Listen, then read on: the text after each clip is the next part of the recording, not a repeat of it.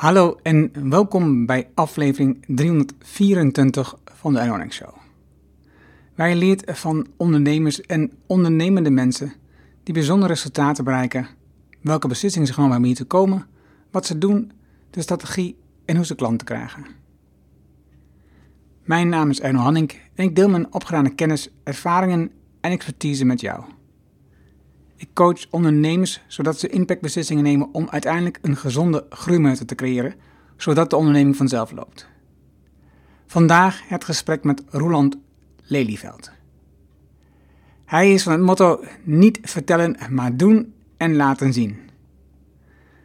En dat was ook zo toen hij na zijn stage in 2005 op 19-jarige leeftijd besloot om landdegradatie en verwoestijning in Kenia tegen te gaan met het planten van bomen. Hij zette al zijn spaargeld opzij voor de ontwikkeling van deze diepgewortelde wens. En in 2010 was het zover. Samen met zijn Keniaanse stagevriend Daniel Muvali start hij Africa Woodgrow. Africa Woodgrow is dé sociale herbebossingsorganisatie die samen met de lokale bevolking werkt aan een geborgd, gezond, groeiende vergroeningsbeweging in de droge tropen van Kenia. Naast het direct lokaal vergroenen zet African Woodgrow zich in voor de bescherming van de natuur en biodiversiteit en permanent landherstel.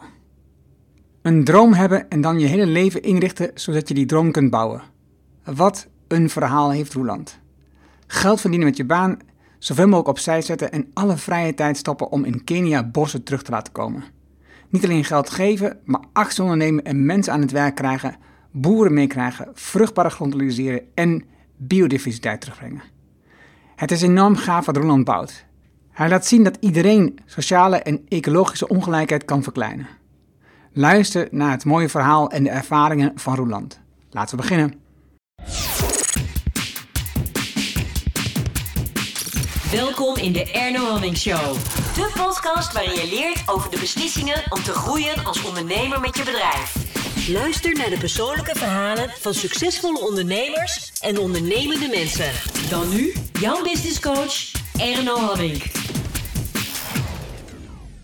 Hallo, welkom in een nieuwe podcastaflevering en vandaag praat ik met Roland Lelyveld. Welkom Roland. Dankjewel. Dankjewel voor de uitnodiging. Ja, ja de uitnodiging die kwam tot stand via Else Boutkan. Else Boutkan ken ik al vrij lang, ja, 10, 12, niet precies, zoiets.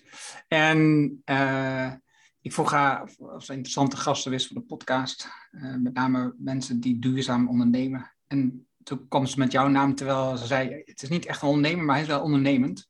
Ja. Dus uh, kijk eens wat jij mee kunt. Dus we hebben de afspraak gemaakt en dat is hartstikke leuk, want ondertussen heb ik natuurlijk weer veel van jou geleerd. En dat kwam mede door het project, of nee, dat is niet goed, um, het initiatief wat Els had ondernomen voor zichzelf, die met haar bedrijf toen het tien jaar, tien jaar bestond, had ze een donatie gedaan uh, voor een aantal bomen bij jou. En dat, was, uh, dat, dat, dat, bracht wel, uh, dat wekte wel interesse hoe het nou precies zat. Ja. Um, jij bent Um, nou, laat ik dan zeggen, jij bent op dit moment bij je adviseur duurzaamheid bij de gemeente Den Haag. Ja, dat is mijn werk. Ja, dat is je baan. 32 uur in de week. 32 uur in de week. En um, de, jou, dus duurzaamheid, dat is wel iets waar je mee bezig bent overdag, ja. elke keer. Ja, nu twee jaar als werk. En voorheen werkte ik als uh, cultuurtechnisch toezichthouder, ook in Den Haag. En toen zag ik een functie als adviseur duurzaamheid voorbij komen en toen heb ik daarop gesolliciteerd. Omdat ik daar vanuit uh, met Afrika Woodcrow zeg maar ook uh, best wel veel met duurzaamheid en uh, bezig ben. En hoe gaan we met onze aarde om en hoe gaan we, hoe, hoe richten we onze leefomgeving in en zo. Dus ja. ik, hey, dat kan ik in Den Haag ook wel, wel gaan doen. Dus, en, want daarvoor was je cultuurtechnisch toezicht. Wat, wat is dat? Een cultuurtechnicus, zeg maar alle uh, in cultuur gebrachte, alles wat iets met natuur te maken heeft in de stad. Dus bijvoorbeeld een straat en er staan er straatbomen en dan moet de riolering vervangen worden. En de bomen moeten behouden blijven. En de bomen hebben natuurlijk hun wortels onder de grond. En dan kijk je of de aannemer zich houdt aan de afspraken. En dan doe je daar verslag van, toezicht, verslag. Aha. En als het niet goed gaat, dan uh, trek je aan de bel. Ja. Dat soort dingen, maar ook uh, uh, beschoeiingen, toezicht houden op het aanleggen van beschoeiingen bij sloten. Um, het aanleggen van park, of plantsoenen, dat soort dingen. Mm -hmm. ja. Want ja, jouw opleiding, zit die dan in dat vakgebied? Ja, ik heb een hoveniersopleiding gedaan. En toen ben ik uh, bij een aannemer gaan werken, een paar jaar, als uh, meewerkend voorman. En toen wilde ik FK Woodcrawl opzetten, dat ging niet samen. Toen ben ik bij de gemeente daarna gaan solliciteren als uh, cultuurtechnisch voorbereider. Dus dan doe je de voorbereiding, de opdrachten, de, de bestekken maken en zo, de tekeningen, dat soort dingen. En vervolgens ben ik dus uh, als toezichthouder gaan werken en nu als adviseur duurzaamheid. Maar over dat hele traject gaat 12 jaar. Dus 12 jaar traject, zeg maar, of 14 jaar zelfs traject. Ja, je zegt dat ging niet samen. Hoezo ging het niet samen? Um, omdat ik bij die aannemer deed ik fysiek uh, zwaar buitenwerk. En uh, uh, dan ben je gewoon aan het eind van de dag is je lichaam gewoon echt moe. Plus dat je, ik moest ook een groep mensen aansturen. En dus je, je geest is eigenlijk ook moe. Dus dat, dat, dat ging gewoon niet samen om dan na het werk ook nog iets anders te doen. Dus ik ging op zoek naar een baan die dat wel mogelijk maakt om daarnaast iets te doen. Dus in 2008, tijdens de economische crisis, heb ik ontslag genomen van mijn vaste baan. En toen uh, ben ik bij de gemeente gaan solliciteren en die hadden me aangenomen. En want dan kom je met African eh, Woodgrow, het idee, maar... In, ja, dat was in 2010 opgestart. Maar het idee had ik al in 2005. Precies, want dan zat je op stage, was je ja. in de grens. En wat zag je, in, wat zag je toen, waarom je daarmee in de slag wilde? Ik liep uh, drie maanden lang liep ik stage in Kenia. En ik was gekoppeld aan Daniel Mufali, een stagebuddy, ook een student. En we deden marktonderzoek op vijf verschillende markten in uh, Kitui County. Dat is een provincie even groot ongeveer als heel Nederland. En uh, dat was één opdracht die we moesten doen. Dus zeg maar in kaart brengen van hoe mensen dingen verkopen, wat ze verkopen en wat het oplevert, et cetera, et cetera. Uh, en, en we moesten een stuk land van een boer in kaart brengen. Met toen beschikbare middelen. In 2005 had je nog niet zulke hele goede of makkelijke GPS-dingen die je makkelijk op, op, je telefoon kon zetten of kaarten kon maken. Dat had je toen nog niet. En volgens mij had je ook nog niet uh, Google Maps of zo. Volgens mij had je dat ook nog niet. Dus we gingen echt uh, hands-on uh, dat land in kaart brengen met een grote meetlat en een rolmaat en een, dat soort dingen. En, maar tijdens dat werk zagen we gewoon heel veel dat eigenlijk dat hele land erodeerde. Want we moesten ook een oplossing geven van nou, hoe kan je dit nou oplossen wat deze boer heeft. Want het is gewoon helemaal kaal spoed. Hij ploegde dat dan voordat het regenseizoen begint. En met het ploegen, dan bijt al het organische stof waait al weg, want het, regen, het heeft nog niet geregend. En als het gaat regenen, spoelt het weg. En dat twee keer per jaar. Dus ja, toen zaten Daniel en ik zo van, ja, we moeten eigenlijk iets doen om die vegetatie terug te brengen in het gebied. En die boeren zo ver te krijgen om dat dan zelf te gaan doen, dat ze dat echt willen doen. Want we zagen ook niet echt de, de lokale NGO's uh, uh, die oplossing uh, brengen. Um, ja, en dat, toen was eigenlijk het zaadje geplant om hiermee te gaan beginnen.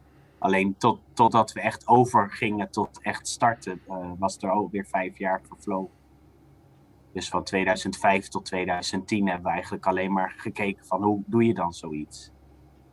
En, en natuurlijk financiële middelen bij elkaar brengen omdat ja, als je dan 19 bent, want in 2005 was ik 19 en dan zeg je ja, ik wil een bos aanplanten in Kenia. Uh, wil je me alsjeblieft geld geven? Dan zegt iedereen, die jongen die, uh, die zeker op zijn achterhoofd gevallen of zo. Uh, dus ja, dan, dan gaan niet echt de deuren open. Dus ik ben zelf gaan sparen en toen heb ik het zelf gedaan. Dus, Hoe oud was je toen je je eerste boom plantte? In Kenia. Oh, oké. Ja, sorry. Ehm 19. Dus in die... In die eh, Dat is in 2005 heb ik wel een paar bomen geplant. Oké, dus dat... Dus er nooit meer opgezocht, want waarschijnlijk zal het een teleurstelling zijn, omdat er geen toezicht op is geweest verder. Maar eh, ze zijn geplant, alleen eh, dat is nog geen reden tot succes. Even, even voor mijn beleving, en ik denk niet alleen voor mezelf, maar voor veel mensen, je zei het al, je zit in een provincie die zo groot was als Nederland is. En hoe groot is Kenia eigenlijk? Kenia is volgens mij, als ik het goed heb, even groot als Frankrijk.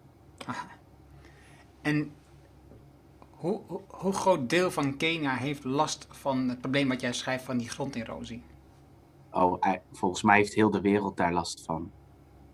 Niet alleen Kenia. Dus ik zie het overal waar ik kom, zie je gewoon het landschap eroderen. Ook in, eh, in Nederland. Door ook eh, gebruik van kunstmest en eh, pesticides. En eh, ja, dus het is niet een, eh, alleen een lokaal, daar een lokaal probleem. Het is gewoon iets wereldwijds. Alleen je ziet niet zo heel veel oplossingen die actief zijn in de droge tropen nu. Maar je ziet wel heel veel effect in de droge tropen en een eh, hele grote bevolking en een jonge bevolking. En, dus er zijn meerdere dingen die samenhangen die eigenlijk een soort smeltkroes van een soort probleem eigenlijk creëren wat alleen maar groter wordt. Ik denk met die herbebossing dat je daarmee eh, meerdere problemen kan tackelen. Noem eens wat problemen op die je kunt tackelen met de herbewassing. gebrek aan eh, werk. Je hebt mensen nodig om, eh, om te zorgen dat het groen wordt. Ehm, eh, gezonde leefomgeving. Door de herbebossing kan je meer voedsel produceren. Heb je gelijk eh, eh, beter beschikbaar eh, voedsel. Ehm, het verlies van biodiversiteit. Doordat je daarmee bezig bent, geef je ook weer ruimte aan alle vogels en andere dieren. Ehm, eh, het klimaat. Je, stabiliseert lokaal direct het klimaat. Dat merk je ook als je tussen de bomen wandelt. Is het gewoon veel stabieler en ook eh, prettiger om te zijn. En eh, ja, je, houdt water vast. Eh, je, je, je werkt eigenlijk aan de basis van het leven. Van wat maakt leven voor mensen mogelijk. En door, door daaraan te werken, ehm, ja, zorg je dat de, de mensen die daar wonen het beter hebben. En bij ons, we zijn nu natuurlijk al een hele tijd verder, ruim 11 jaar. En we hebben 88 lokale boeren die eh, een eigen bos hebben. En de intentie is een beetje dat die boeren dat bos ook als een soort pensioen gaan zien. Want nu zien de boeren eh, het krijgen van kinderen als een pensioen. Dus eh, daarom zijn die families zo groot. Niet omdat ze geen, beschik- geen beschikking hebben over condooms of anticonceptie of zo, wat veel mensen zeggen. Dat is allemaal wel beschikbaar, maar ze nemen echt heel, zo, of ze krijgen echt heel bewust gewoon grote gezinnen, omdat dat eh, die ouders in hun levensonderhoud, als ze niet meer kunnen werken, moet gaan voorzien. Dus eh, ja, dat zie ik dan ook als je dan op een andere manier dat kan opvangen, doordat ze dan een, eh, zeg maar genoeg bomen hebben die ze dan op oudere leeftijd eens in de zoveel tijd kunnen, kunnen gaan oogsten. En dat geld kunnen gebruiken om van te leven, dan heb je gewoon een heel stabiele, ja, soort eigen spaarpotje. Wat legt dat eens uit, hè? Want dat was voor mij wel verrassend. Hè? Dus je, je plant bomen. En die groeien uit in tien jaar naar een boom. En dan ga je ze, om, dan ga je ze kappen om hout van te maken. Ja, dat kan als je dat wil. Ja, en dan groeit die weer uit daarna. En eh, ja, de bedoeling is dat we zeg maar een eh, eh, gezonde bosbouweconomie opzetten, eh, waardoor het eh, gebied veerkrachtig is. En eh, ja, beter bestand tegen van alles. Want hoe ziet een gezonde bosbouweconomie eruit? Wat betekent Een dat? gebied wat bedekt is met vegetatie, permanent. En waar, je dan, waar mensen in dat gebied van kunnen leven en zichzelf ook financieel kunnen onderhouden. Want in die eerste video zag ik dat dus de, ehm, de, waar de bomen nog klein, maar dan groeide er dus ehm groenten in, in het bos. Ja, En dat was eigenlijk een soort bijproduct waar het niet Ja. om draaide. ja klopt. Dat, hebben we, dat is nog steeds zo. Terwijl ik Ja. zou denken, dat is, dat, is, dat is een heel belangrijk product. Dat is voeding wat je gewoon ehm, op, een slimme manier uit je bos kunt halen. Waar je voorheen, zeg maar, een hele droge grond waar veel oogsten mislukken, heb je nu een veel grotere kans dat je oogst lukt. Ja, dat ook. Het kan ook wel weer mislukken. Als de bomen iets te oud zijn, dan heb je te veel schaduw, waardoor dan de, de vegetatie, de voedselproducten daaronder niet goed groeien. Dat kan ook. Maar ehm, ehm, ja, je ziet dat in, het begin, in de beginjaren dat het wel goed lukt. Dus met mais en greengrams, kaupies, van die bonen en eh, dat soort dingen. Dat, eh, dat gaat heel goed. Ja. En, en als je zo'n bos hebt, hè, en, en hoeveel procent, zeg maar, als je dat dan tien jaar hebt laten groeien, hoeveel procent ga je dan elk jaar kappen bijvoorbeeld? Dat je dat, dat, dat blijft voortbestaan. Ja, dat weten we nog niet. Hm. We hebben nog nooit een boom eh, gekapt van wat we hebben geplant. Dus de oudste bomen zijn wel eh, richting de 11 jaar en die zijn echt zo, zo dik, zeg maar. Echt eh, behoorlijk. Ik heb, ik heb eergisteren nog met één op de foto geweest. Samen met Daniel. Van, eh, want ik ging met een boom op de foto. Van zo, die is dik. En toen zei hij, nou heb je die nog niet gezien? Die is nog dikker. Dus liet hij een ander zien die wel echt, echt behoorlijk zo in zo'n korte tijd. Ehm, maar ja, dat, daar moeten we dus, dat moeten we nog helemaal gaan ontdekken. Van hoe kun je dat het beste doen? Ehm, ik denk zelf rijen er tussenuit halen. Zodat je dan tussen de. We, we hebben een plantafstand van drie of vier meter tussen de bomen. Dat verschilt een beetje per plot. Dat je dan zeg maar een rij er tussenuit haalt en zo eigenlijk een opening creëert tussen die twee rijen of die drie rijen bomen. En dat je daar dan weer andere gewassen kan gaan verbouwen. En in de tussentijd groeien dan die, die stammen weer uit tot bomen. En dan komen er meerdere takken uit. En dan kan je zeg maar één, één, één tak laten groeien. Dat wordt dan weer de toekomstboom. Hm. En ja, als dat dan weer een bladerdak geeft, dan kan je weer zeggen van nou, dan halen we weer die andere eh, strook eruit. Eh, met de bedoeling dat het landschap bedekt blijft met vegetatie, omdat dat zo belangrijk is om die regen op te vangen. Dat die druppels gewoon op de bladeren vallen en dan eh, niet direct op de, op, de, op de kale grond. En daarmee het organische materiaal loskomt. Dus, maar zover zijn we nog niet. Wanneer verwacht je de eerste boom te kunnen kappen? Ik weet het niet. Misschien over tien jaar of over vijf jaar. Oké. Want ergens in je plan las ik ook het stuk over dat je daar een soort houtzagerij wilde starten. Ja, Dus, dat, dus dat duurt nog eventjes. Jawel. Ja. We hebben nu 88 lokale boeren aangesloten via de Kamiti CBO. Die hebben ook een eigen bestuur. Dat is gewoon een lokale stichting zeg maar, van de boeren, waar ze in verenigd zijn. En eh, daar had ik ook net een, een eh, boardmeeting mee met hun. Heel, ging heel officieel en met een agenda en eh, punten die we wilden bespreken, toekomstplannen, dingen die niet goed gaan volgens hun. En, en zo, eh, zodat ik dat mee kon nemen. En ze vroegen ook hoeveel mensen kunnen we aan, eh, eh, kunnen we aan eh, toevoegen. Want ze hebben er 100 hebben zich zeg maar aangemeld, waarvan 88 nu eigen bos hebben. Maar we hebben gezegd, je, je kan je niet meer aanmelden, want anders verwachten we, krijgen ze valse verwachtingen dat ze dan binnenkort mee kunnen doen. Maar ik heb nu gezegd eh, van ehm, eh, laat er maar e- 50 extra aanmelden. Want ik verwacht wel in 2022 dat we dan die 50 kunnen toevoegen.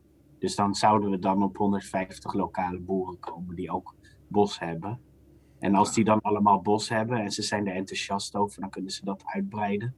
En dan kunnen ze vervolgens kunnen ze ook een coöperatie gaan opzetten om dan bijvoorbeeld zo'n houtzagerij of bepaalde infrastructuur die je gezamenlijk nodig hebt, om dat dan op te gaan zetten. Hm. Afrika Woodcrow als, als initiatief waarmee het begon, zeg maar die platteland met eh, bomen, dat is, dat is eigenlijk veel te klein om op zichzelf te kunnen draaien. Dus je moet eh, gewoon met z'n allen. Dus wij zijn dan eigenlijk ook een soort member van die groep in die coöperatie. Ehm, we zijn alleen de inspirator van de lokale bevolking. En wij investeren dan net wat meer om, uh, om bepaalde infrastructuur op te bouwen waar zij dan weer, die zij nodig hebben om, om ook bomen te kunnen planten. Dus denk aan een kwekerij met verschillende soorten bomen. Uh, het financieren van werknemers die dan die bomen kweken. Ehm, al dat soort dingen. En de organisatie er rondomheen. Waar, waar komt dat geld dan vandaan om dat te organiseren? Nou, in het begin in 2010 ben ik met 20.000 euro naar Kenia gegaan. En de jaren daarna heb ik elke keer 10.000 euro gemiddeld. Zeg maar als ik zo door de, door de jaren heen kijk van mijn uh, uitgavenpatroon. Uh, 10.000 euro gemiddeld van, mijn, van mijn eigen salaris daarin gestopt. En vervolgens heb ik nog een neef gehad die ook flink wat geld erin heeft gestopt. Ongeveer een ton. En ehm, uh, en de, zijn, naar, naar, naarmate we meer bekendheid kregen, kwamen er nog losse donaties van mensen. Ook wel grote donaties van bijvoorbeeld een familiefonds van 50.000 euro. Of uh, we hebben onlangs 18.000 euro gekregen van een ander fonds. En ik heb een tijdje terug nog een, uh, een crowdfunding actie gedaan op Twitter. Hadden we binnen vier dagen 10.000 euro binnen van mensen die, uh, die dat al een hele tijd volgen. En die dan, ik, ik denk dat ze dan voldoende geloven in wat we doen en uh, hoe we dat uitgeven. En dat ze dan bereid zijn om mee te doen. Of dat haal ik er in ieder geval uit. En ik weet dat we dat gewoon gelijk uitgeven en daarmee uh, ja, ons doel nastreven. Waar, de inkomstenkant is dus vooral donaties en, en jouw eigen, um, een deel van je, van, je, van je loon. Waar gaat het grootste deel van het geld dan op? Aan infrastructuur en uh, werkgelegenheid. Werknemers. Precies, dus werknemers ja. in die, die, die die bossen onderhouden en... Aanplanten, bijhouden, bomen kweken. Uh, dat gewoon alles, uh, alles uh, in gang, alles zorgen dat het allemaal blijft lopen. Want voor, voor een ton, hoeveel mensen kun je dan aan het werk houden? Ja, verschilt een beetje, maar gemiddeld hebben we, uh, we hebben gemiddeld een laaggeschoolde werknemer uit het gebied zelf. die kost ongeveer 1000 euro per jaar. Dus voor een ton zit je dan op 100 mensen in een jaar. Ja. Ja, dat is wel een impact. Ja. Maar dat, we hebben natuurlijk niet 100 mensen aan het werk. Ik denk dat we er nu 30 hebben of zoiets. Nee, maar god, gewoon voor die beleving ook van mij, van 1000 euro per jaar, dat je dan een laaggeschoolde ja, iemand... We hebben ook een paar duurdere krachten. We hebben twee projectleiders rondlopen die, uh, die verdienen wel flink die, het driedubbele van de lokale werknemers. Maar die kunnen ook goed Engels en die kunnen goed met de telefoon overweg. Dus die updaten mij dagelijks via de WhatsApp met wat er allemaal gebeurt. En dan kan ik dat op Twitter zetten. En uh, dus zo, uh, zo gaat dat goed. En zij zijn dan op dat moment werknemer van, van jouw bedrijf of van die andere stichting die je straks noemde? Uh, de meeste zijn van Afrika Woodcrow. Ja, okay. In Kenia. En van uh, de Kamiti CBO, die heeft geen werknemers. Maar Stichting Afrika Woodcrow in Nederland, dat is dan weer een andere rechtsvorm. Ja. Die, die financiert de CBO. Uh, die stichting die heeft dan weer één uh, projectleider ook aan het werk. Dus die, de stichting die betaalt de CBO en die projectleider. Allebei. En die projectleider die, die uh, monitort en die doet eigenlijk al het werk voor die CBO. Dus dat is eigenlijk, werkt hij voor de CBO, alleen wordt hij direct betaald vanuit Nederland. Nu, wat je al zei, hè, je begint, uh, de, de, die baan was niet te combineren met, dit, met deze, tussen quotejes, hobby. Um, de nieuwe baan veel beter, nu ook. Ja, dat je 32 uur werkt. Ja, je merkt wel dat het uh, steeds hoe verder we komen in de ontwikkeling, dat het wel steeds lastiger, het wordt natuurlijk steeds groter. Dus ik werkte eerst 40 uur voor Den Haag en dat heb ik nu uh, sinds twee jaar, sinds die nieuwe baan, naar 32 weten te schroeven. Want de nieuwe baan was ook een promotie. Dus ik kon meer verdienen, dus minder werken. En nou, uh, uh, hoe heet dat? Dan heb ik die acht uur dat ik dan kan inzetten per week meer voor Afrika Woodcrow. Maar dat zorgt eigenlijk ook wel weer voor dat er toch wel weer meer werk uitkomt. Dus we zijn heel de tijd aan het zoeken van met het bestuur van de stichting ook in Nederland. Plus allerlei adviseurs die mij helpen omdat ze dat gewoon tof vinden wat er gebeurt. Om te kijken van uh, hoe uh, kunnen we jou ontlasten. Dus mij, want dat het niet allemaal op mijn bordje komt. En uh, kunnen we dat een beetje meer stroomlijnen, dat we taken gaan uitzetten bij andere mensen. En in, in dat proces zitten we nu heel erg. Hmm. Ja, en dat werkt op zich ook wel hoor. Het is echt een overgangsperiode nu om dat uh, zeg maar een beetje over te zetten. Ook omdat de gebiedsvisie gewoon echt steeds groter wordt. En we hebben vier farms en de vraag ook voor herbebossing, die, dat wordt ook steeds, is eigenlijk gewoon heel belangrijk. Uh, lokaal is er heel veel vraag naar, wereldwijd is er vraag naar. Um, qua klimaat en zo en dat soort dingen. Er is gewoon heel veel vraag naar dat wat we doen. Dus als je dan de mogelijkheid hebt om dat op te kunnen schalen, dan is het bijna niet te doen om dan te zeggen, nou ja, ik vind het wel prima zo, ik, uh, dit kan ik handelen en, uh, en we gaan niet opschalen. En dat is een mooi punt. Je, het is een zeg maar verantwoordelijkheid om het wel echt op te schalen. Ja. Want dat was precies de vraag die ik ook heb en die eigenlijk Elze ook heeft. Maar dus als je kijkt, dus, dus je, je doet dit in de tijd naast je werk en nu heb je dan acht uur extra. En daarmee bereik je, want als ik het goed had begrepen, in het beginsel had je het idee om in 30 jaar 600 um, vierkante kilometer bos um, aan te planten. Daar zit je overheen, toch? Of niet? Nee. Oké, okay, dat, dat, dat, zo had ik het gelezen. Nee. Waar zit je nee. nu? Oh. Um, Ongeveer. 400, 400 uh, hectare of zo. 345 hectare in die trant. Zeg maar. Maar dat is, dat is het gebied waar we dan die 88 boeren, dus die hebben allemaal plotjes, plus drie uh, plots van Afrika Woodcrow zelf. Uh, dat, dat gebied is ongeveer 345 hectare. En da dat is redelijk voorzien. En je ziet dat dat gebied wel groener is dan andere gebieden. Omdat daar, ja, alle, elke euro die, we dat, die nieuw in dat gebied komt via die bomen, die gaat natuurlijk in die kleine economie ook rond. Waardoor mensen minder uh, geneigd zijn om bomen te kappen, om houtskool van te maken of om hout te verkopen. Want ze hebben die, die trigger niet om dat te moeten doen, want ze zijn heel druk met andere dingen bezig. Ze hebben gewoon een andere inkomstenbron. Is gewoon, dat gaat gewoon rond in die lokale economie. Want echt iedereen is ermee bezig. Er zijn, als we één boer een plot bomen laat aanplanten, dan zijn alle buren daaromheen, die worden allemaal aan het werk gezet om te helpen. Dus die, je hebt direct heb je daarmee een hele grote um, financiële impuls, zeg maar, onder de bevolking eromheen. Ja, we hebben wel nu een planning, dus om naar die 600 vierkante kilometer te komen, dat hebben we een planning tot 2030. Oké. Okay, dat hebben we wel een uh, realistisch. En dat helpt, daar helpen dus ook die, uh, die andere mensen mee om dat uh, goed op papier te krijgen, zodat we dat ook kunnen, kunnen laten zien aan mensen die dan gericht willen doneren. Van oké, okay, als ik dan een donatie doe, waar, waar, welke stap kunnen jullie dan maken? Waar, uh, waar draag ik dan exact aan bij, zeg maar? Dus dat ja.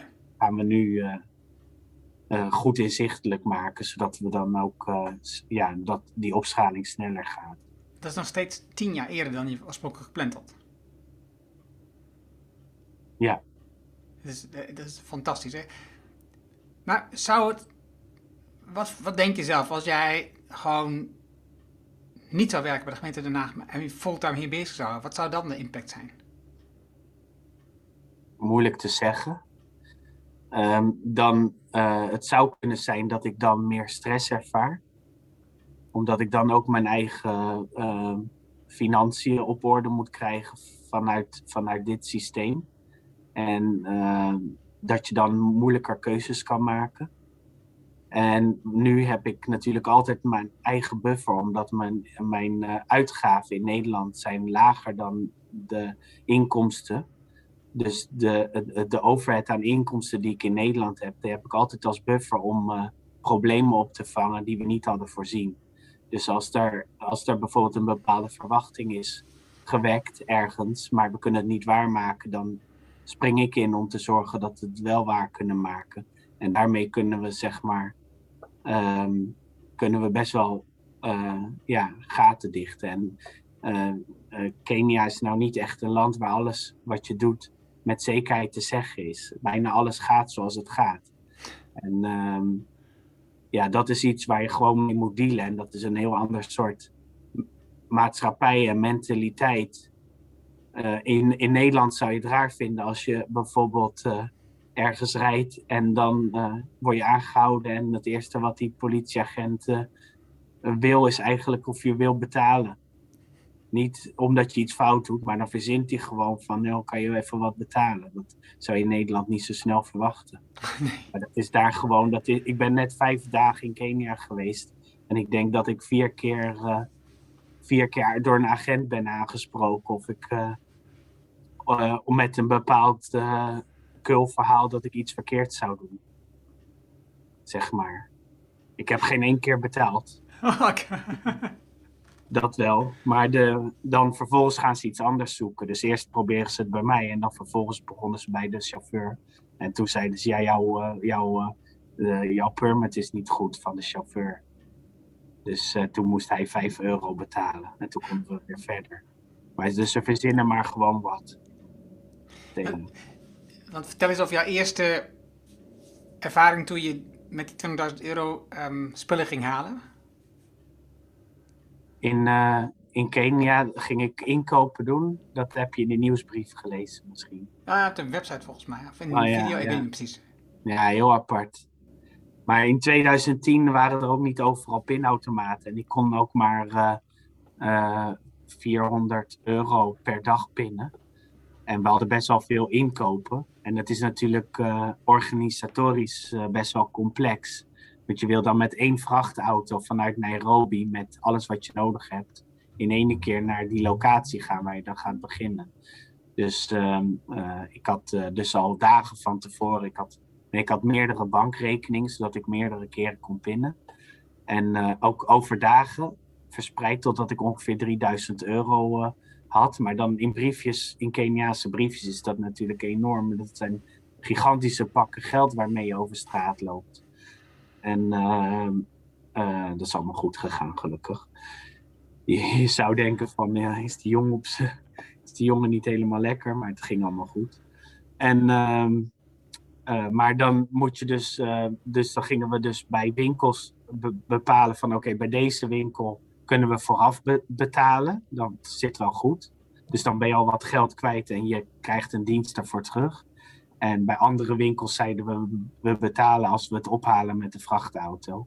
En vervolgens zijn we dan met de vrachtauto uh, cement, iron sheets, uh, hout, uh, kruiwagens, watertanks. allerlei dingen die we nodig hadden om de infrastructuur op te bouwen, om een kwekerij op te zetten, zeg maar. En, en ja, allemaal door dat hele Nairobi heen die, die spullen verzameld. En dat ging eigenlijk allemaal wel goed. Maar het is wel een heel avontuur als je dat doet. En het is, uh, het, het, is wel veel georganiseerd en ge, ge, gedoe en zo. En dan breekt midden in de nacht je de as van de, van de vrachtwagen. Ja, dat klopt. Ja. ja, en dan zit je daar als uh, 25-jarige jongen net buiten Nairobi midden in de nacht. Met een vrachtauto vol materiaal. En, en dan loopt de chauffeur ineens weg en iemand die ook meereed om de, de, goederen zeg maar te bewaken, die, die was ook weggegaan. Die gingen hulp zoeken.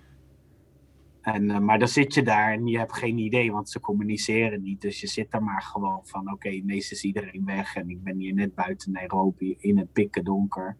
Dan gaan al die verhalen door je heen van wat er gebeurt met, uh, met mensen net buiten Nairobi. En uh, dat zijn wel enge momenten, maar het is ook goed gegaan. er kwamen twee, twee kinderen met een lasapparaat en ze hebben die, die vrachtauto op een, op een krik gezet en en dat hebben ze ter plekke, zeg maar, die, die as kunnen lassen. En toen zijn we doorgereden. Zijn we met het hele spul in uh, Machakos in een hotel gegaan. Omdat het ja, te laat werd om de hele rit door te maken. En dus die chauffeur, ik, we hadden nog een aannemer ook bij ons. Die moest ook in het hotel. Plus die ene jongen die de, de boel beveiligde, moest ook in dat hotel ja, dan slaap je met z'n allen ineens in een hotel. Ja, dat is ook zoiets, dat verwacht je niet van tevoren, maar je moet er dan wel mee, mee dealen. En dat drijft natuurlijk de prijs op van wat je aan het doen bent. Ja, en tegelijk is het natuurlijk een hele, iets heel leerzaams als je terugkijkt tot je al die tijd hebt gedaan. Daar heb je natuurlijk enorm veel van geleerd. Ja, ik kom nu 16 jaar dat ik hiermee bezig ben en allerlei projecten die we doen en zo. En je komt op allerlei, op de gekste plekken. Um, ja, als je dan vervolgens met al die ervaringen ga je wel, merk je wel dat je best wel dingen gaat relativeren. Ook in het normale leven, zeg maar, in Nederland. Van uh, ja, dat je wel makkelijk bent uh, bij bepaalde dingen. Noem eens iets waardoor, waar je echt makkelijk in bent geworden? Nou ja, gewoon uh, dat, je niet, dat je niet zo heel snel ergens gestrest van bent of zo. Nou kan ik dat wel worden hoor. Maar dat gaat meer als het over verantwoordelijkheidsgevoel. Hmm. Ik, ik, vind wel, ik heb best wel een hoog verantwoordelijkheidsgevoel. En als ik daar dan in tekort schiet, of het idee heb dat ik daar in tekort schiet, dan krijg ik daar persoonlijk wel last van. Ja. Maar meestal, meestal veel dingen kan ik wel goed uh, relativeren. Ja. In 2014 was je winnaar van de Simon Jasma Award. Ja. Wat, wat betekent dat? Oxfam Novib die had een uh, award in het leven geroepen om uh, Simon Jelsma, dat is de oprichter van uh, Novib. En ook de oprichter van de postcode loterij. Heel lang geleden. En die man is overleden. En om hem te eren hadden ze een award in het leven geroepen. En ja, die award die heeft Afrika Woodcrow gekregen. Of, of ik heb hem gekregen omdat het heel bijzonder is wat we doen. En dat het volgens Oxfam Novib bijdraagt aan duurzame ontwikkeling. Alleen ze hebben, ik heb dat award nog steeds. Het, het, was een, het zou een award moeten zijn die elk jaar aan iemand anders zou worden gegeven. Maar ze hebben hem nooit meer uh, verder. Uh... Je was zo goed, later daar woord. ik weet het niet wat erachter zit. Ik weet het niet. Nou, en wat, betekent die woord dan voor jouw bedrijf? Uh, we kregen een prijs, 3000 euro. Dus dat is een mooie, mooie opsteker. En uh, voor mij uh, persoonlijk is het natuurlijk gewoon onwijs fijn dat je voelt dat het, dat het gezien wordt wat je doet. En dat je dan gewaardeerd wordt voor wat je doet. Want het, het is niet echt niet makkelijk om te doen. En het kost veel tijd en zo. Dat is, dat, en dat geeft je zeg maar drijf om gewoon flink door te gaan. Dus dat is heel waardevol. En uh, uh, er kwam allerlei pers op af. Dus dat zorgde weer voor meer bekendheid van het initiatief. Wat natuurlijk ook weer hartstikke goed is. Als je iets doet waarvan, je, waarvan ik uh, um, ik ben er echt van overtuigd dat het goed is wat we doen. Mm-hmm. Dan is het natuurlijk fijn als andere mensen dat ook kunnen zien. Ja. Je, bent, je werkt nu 32 uur week voor de gemeente Den Haag. Hoeveel uur in de week werk je voor African Woodgo? Moeilijk. Moeilijk te zeggen. Is het evenveel uur of is het gewoon nog meer uur? ik heb het niet bijgehouden, maar het is gewoon, ik ben, dat is mijn leven, zeg maar. Dus het is, uh, het speelt altijd overal in je hoofd, heel de dag. En uh, eh, als er iets is en het moet opgelost worden, dan los ik het op. Ehm, ja, het- het- ik vind het heel moeilijk om te zeggen. hoor. Ik heb niet echt een inklok-uitklok tijd of zo. Hoe vaak ga je naar Kenia? Ehm, ik zei altijd zo min mogelijk. Ja? Eh, in verband met het vliegen. En dat het ook niet echt klimaatneutraal is en zo als je dat allemaal doet.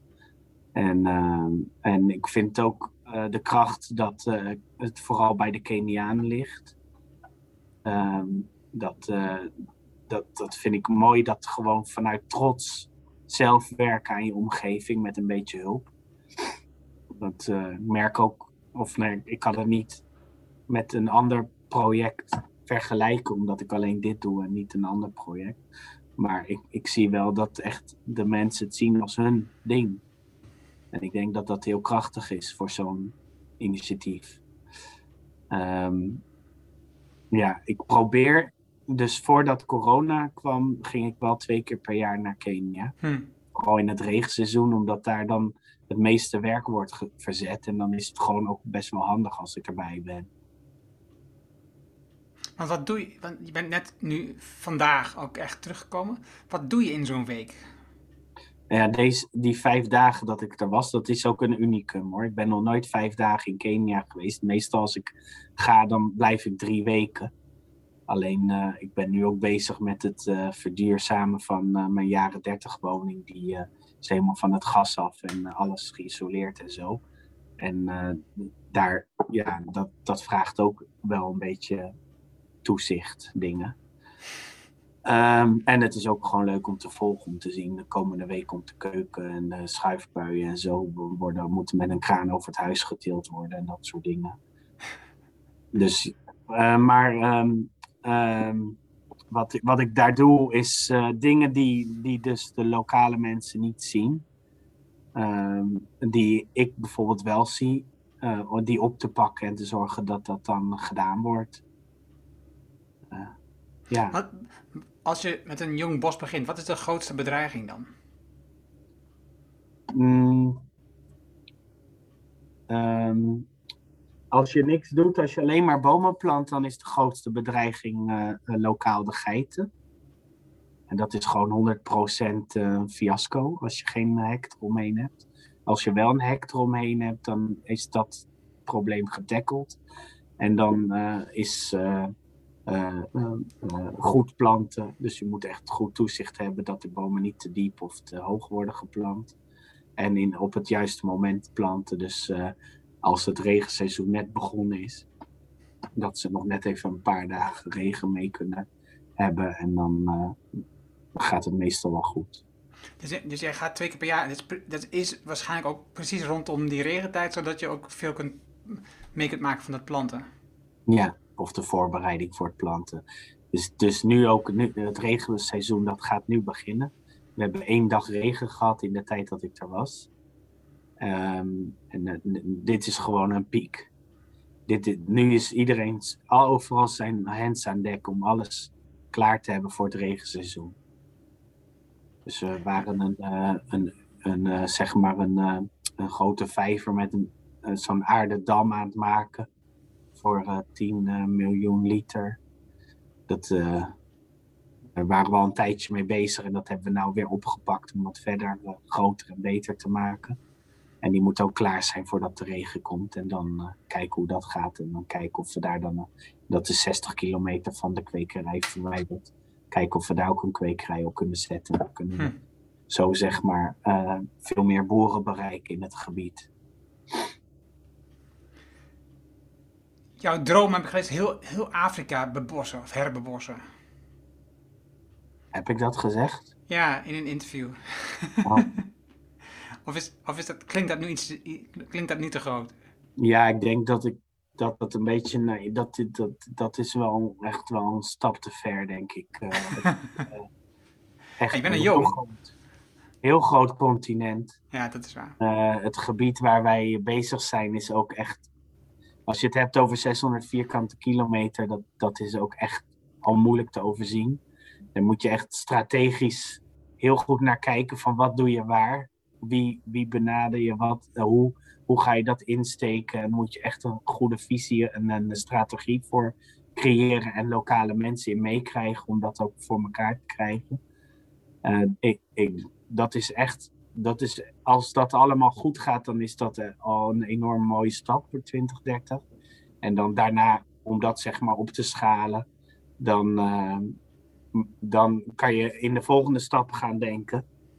Ehm, maar eh, om, om tot heel Afrika te komen, dat, dat, is, dat moeten denk andere mensen die geïnspireerd zijn, zijn in helpen. Ja, dat is, daarom, daarom deel ik graag eh, dit verhaal van jou, want dan, wie weet vinden we zo nieuwe mensen die geïnspireerd zijn. Als je kijkt naar Nederland, hè, een van de dingen die jij zei waar we direct mee moeten stoppen was verstening van de achtertuinen. Dat speelt ook in Den Haag, ga ik vanuit. Ja. Ja, nee, er is veel te veel eh, oppervlakte wat eh, gewoon maar bestraat wordt omdat het eh, onderhoudsvriendelijk is, zeggen ze. Zeg Maar is, dat is, ik, ik, ik- denk dat er een heel eh, groot eh, kennistekort is bij, eh, bij mensen. mensen. Het lijkt of eh, veel mensen bang zijn voor groen en leven. En dat ze niet zo goed weten wat ze daarmee moeten als er een struikje groeit in de tuin. Wat doe je daarmee in Nederland? Ehm, mijn achtertuin eh, die is eh, best flink groen. En ik heb natuurlijk een hoveniersopleiding. En eh, het is, ehm, eh, als je zo wat ik geleerd heb op school, eh, dan kan je dat niet terugzien in mijn tuin. Want het is een, voor een hovenier is het meer een rommelige wildernis, zeg maar. Alleen voor mij, ik vind dat, ik geniet van, van juist hoe, hoe die beplanting groeit en hoe de vogels daarvan profiteren. En hoe, eh, hoe je, als je dat met rust laat, dat de natuur er meer, of de, het leven er meer van heeft. En ik durf ook gewoon iets te knippen als het moet. Eh, daar ben ik niet zo bang van. Dus ik, ik, weet, ik laat het groeien, want ik weet, ik kan het altijd inperken als het echt nodig, nodig is. Daar, daar ben ik niet bang van. En ehm, we hebben ehm, eh, groen dak en een intensief groen dak met eh, 400 kilo per vierkante meter. Dat is dan op, het, eh, op mijn kantoortje in de tuin. Die, eh, die, is, eh, ja, die, die is zo gebouwd dat er, dat er 40 centimeter grond op kan en echt struiken. Zo kunnen we, als het regent, dan houdt dat dak al dat water vast. En dan heb je meer, is die sponswerking beter, dat het niet allemaal huppa naar het riool gaat. Ja. En dan hou je ook je, je omgeving koel. En als je alles met bestrating hebt, dan bestrating heeft een hoog albedo uh, effect. Dus albedo is dat het uh, zeg maar een donkere kleur die, uh, die houdt warmte vast en een lichte kleur stoot straling uit. En groen absorbeert het eigenlijk een beetje en zet het om in een verkoeling door verdamping. Um, krijg je een soort verkoeling. Dus. Ja, ingewikkeld ja. is het niet. Nee, dus ja, dat, dat soort dingen, dat uh, groene, groene tuinen en zo, dat uh, het is goed voor de dieren en het is goed voor de omgeving. En uh, mensen worden er ook gelukkiger van. Als je, als je uit je raam kijkt en je ziet groen, dan dat heeft een bepaald effect. Ik ben daar geen professor in, maar dat lees je dan ergens en dan zeggen ze van dat heeft gewoon een effect op de hersenen, dat mensen rustig worden van groen. Of zich prettig voelen bij groen. Ja. Kan ik niet meer voorstellen. Ja, zie, zie je jezelf als ondernemer, vraagt Else. Ja. Ja. Dat is mooi. Dat is goed je moet van alles ondernemen om dit te kunnen doen. Ja. Dus het is wel echt ondernemen. Het is misschien niet ondernemen volgens het boekje hoe, hoe, hoe het op school geleerd wordt. Maar je moet wel echt uh, dingen doen. Zie, zie, je ook dat je ooit wel 100% voor dat ondernemen gaat? Hoe, hoe, bedoel je dat je het wel gaat doen volgens het boekje hoe het op school Nee, nee, nee. nee, nee, nee. Dat, je, dat je e-, echt gewoon fulltime alleen maar bezig bent met jouw bedrijf? Het zou kunnen. Het zou kunnen. ik, dat, uh, het ligt eraan. Uh, het zou zomaar kunnen, ja. Ik, ik zou kunnen ontslag kunnen nemen bij de gemeente en dan, en dan alleen dit kunnen gaan doen. Misschien leunen op mijn vriendin of zo. Of, of misschien dat er, dat er iets van een. dat er een hele grote financier komt die zegt: Roeland, maak je geen zorgen, ik betaal jouw salaris. En jij gaat dit gewoon 100% doen en uh, je hoeft je geen zorgen te maken. Dan, uh, en we willen ook, uh, je moet gewoon je eigen koers blijven varen. En dan, dan zou dat zomaar kunnen. Maar ja. ik weet niet of dat dan echt ondernemen is. Dat is meer van. Nee, ik sprak eerder vandaag met um, Maurits Groen. Ik, ik zie hem als een echte ondernemer. Uh, en toch heeft hij vergelijkbare drijfveer als jou. En ook heeft hij vergelijkbare drijfveer als jou. En dus onder andere is hij mede-eigenaar van Kipster. Dat is, uh, ja. Nou, dat ken je. En dus, ja. um, maar hij heeft meerdere bedrijven, maakt uh, in India. Hij was uh, een van de oprichters van Waka Waka, die ledverlichting maken, wat hm. ook wordt gebruikt over de hele wereld.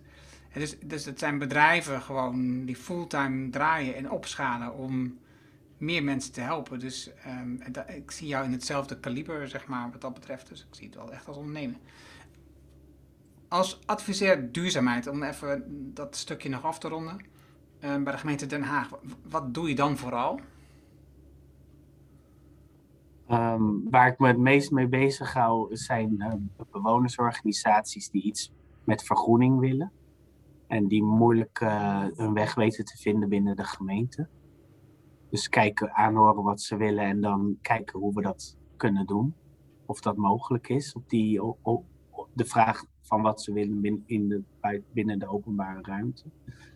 En, uh, maar ook uh, binnen gebiedsvisies meeluisteren.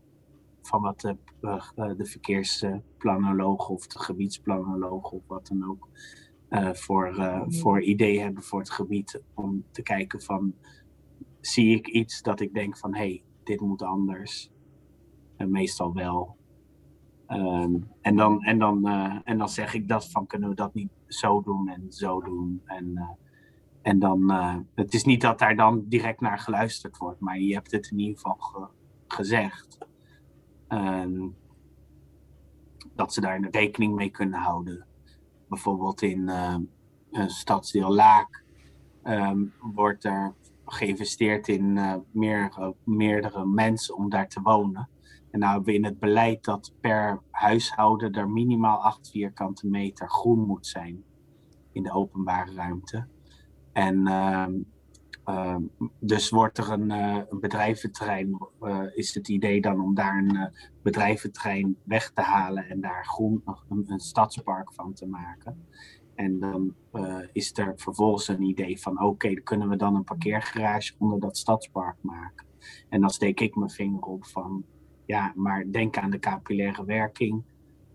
Een, stad, een, een, een park op een, op een parkeergarage is niet een park, zeg maar, in mijn optiek. Want dan heb je meer daktuin, ja. Dus ja, dat soort dingen, dat, dat, en daar hebben we het dan over. Nee, natuurlijk heeft dat met allerlei andere belangen te maken. En uh, ook politieke belangen en geldstromen en zo.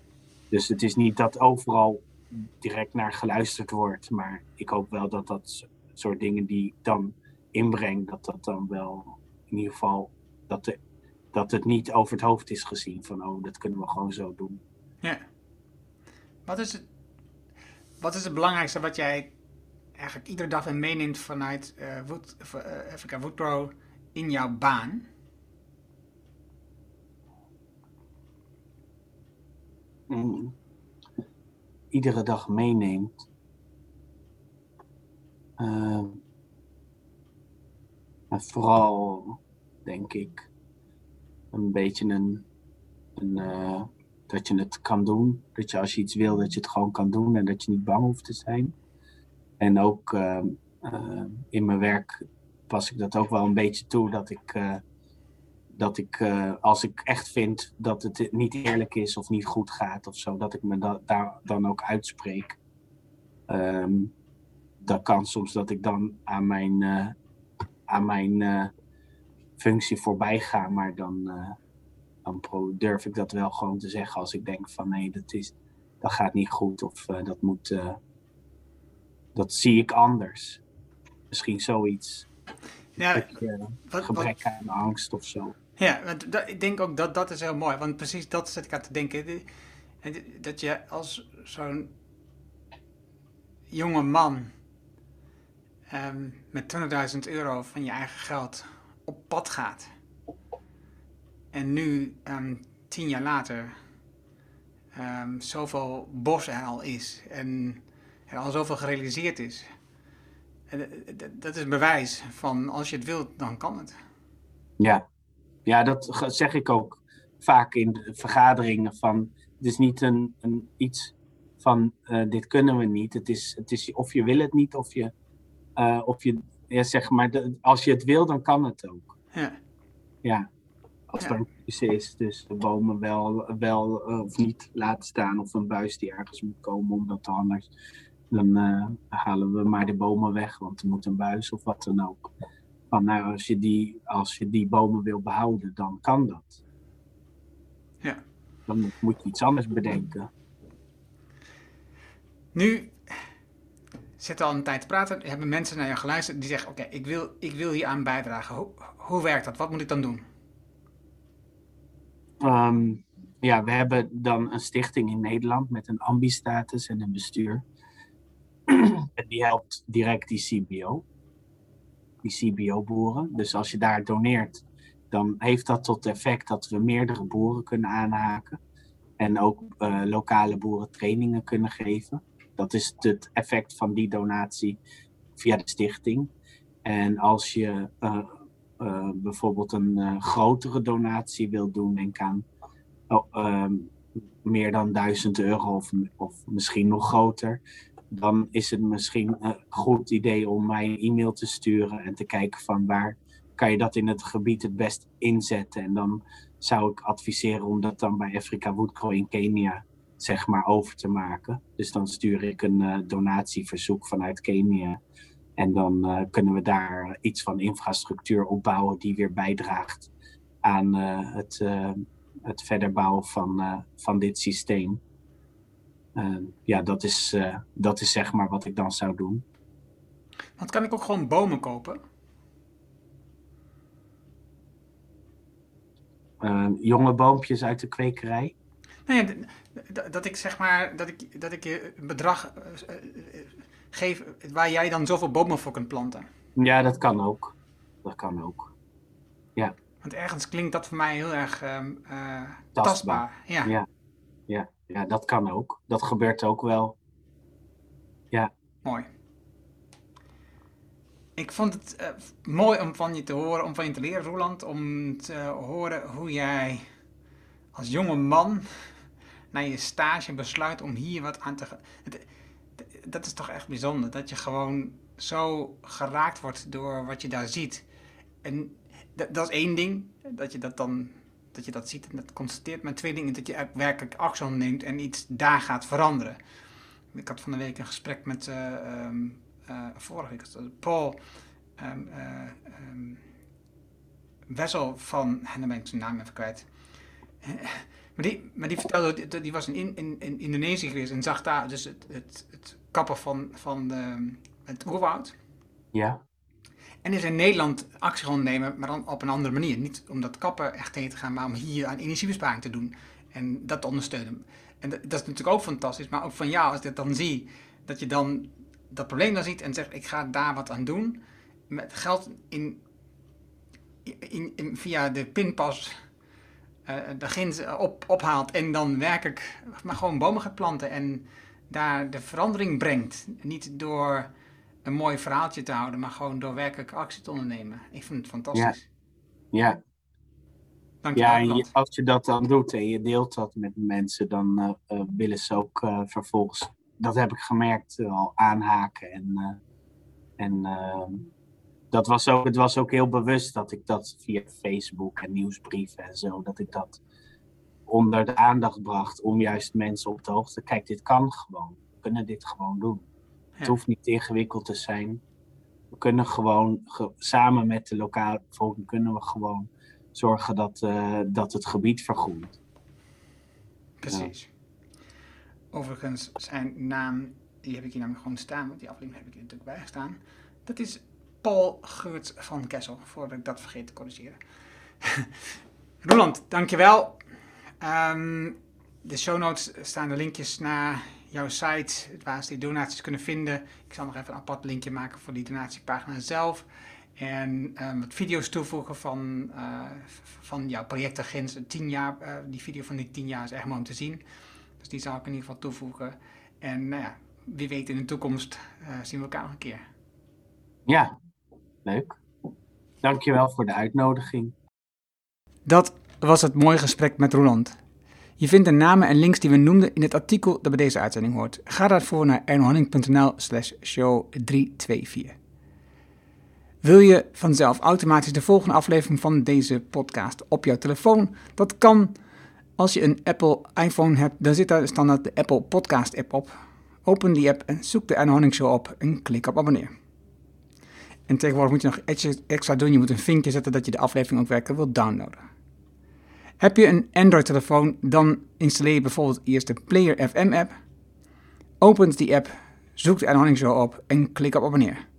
Uiteraard vind je de Erno Show op jouw favoriete podcast-app ook. Dankjewel alvast. Wil je mij iets vragen of laten weten over deze aflevering met Roeland of over de podcast in het algemeen? Stuur dan een e-mail naar podcast.ernohanning.nl En ik hoor super graag van jou. Wil je weten hoe de omzet verdrievoudigde nadat iedereen een minimumloon had gekregen van 70.000? Wil je leren hoe je ruimte maakt om te floreren en het stimuleren van ongelijkheid goed is voor jullie? Vraag dan het boek Impactbeslissingen voor welvaart en welzijn aan op ernohanning.nl. Dit is mijn nieuwste boek en daarom download je het nu helemaal gratis. Je hebt zelfs geen e-mailadres nodig. Er is ook een Kindle en een EPUB versie. Wil je de papieren versie van dit boek? Dat kan, alleen je betaalt dan de verzendkosten. Omdat het mijn nieuwste boek op dit moment is, krijg je dat boek nu gratis. Vraag het daarom dus nu aan. En dat kan op ernohanning.nl en ik weet, je hebt een volle agenda. Je leest het in één avond tijd. Dankjewel voor het luisteren en graag tot de volgende. Dankjewel voor het luisteren naar de Erno Hanning Show op ernohanning.nl.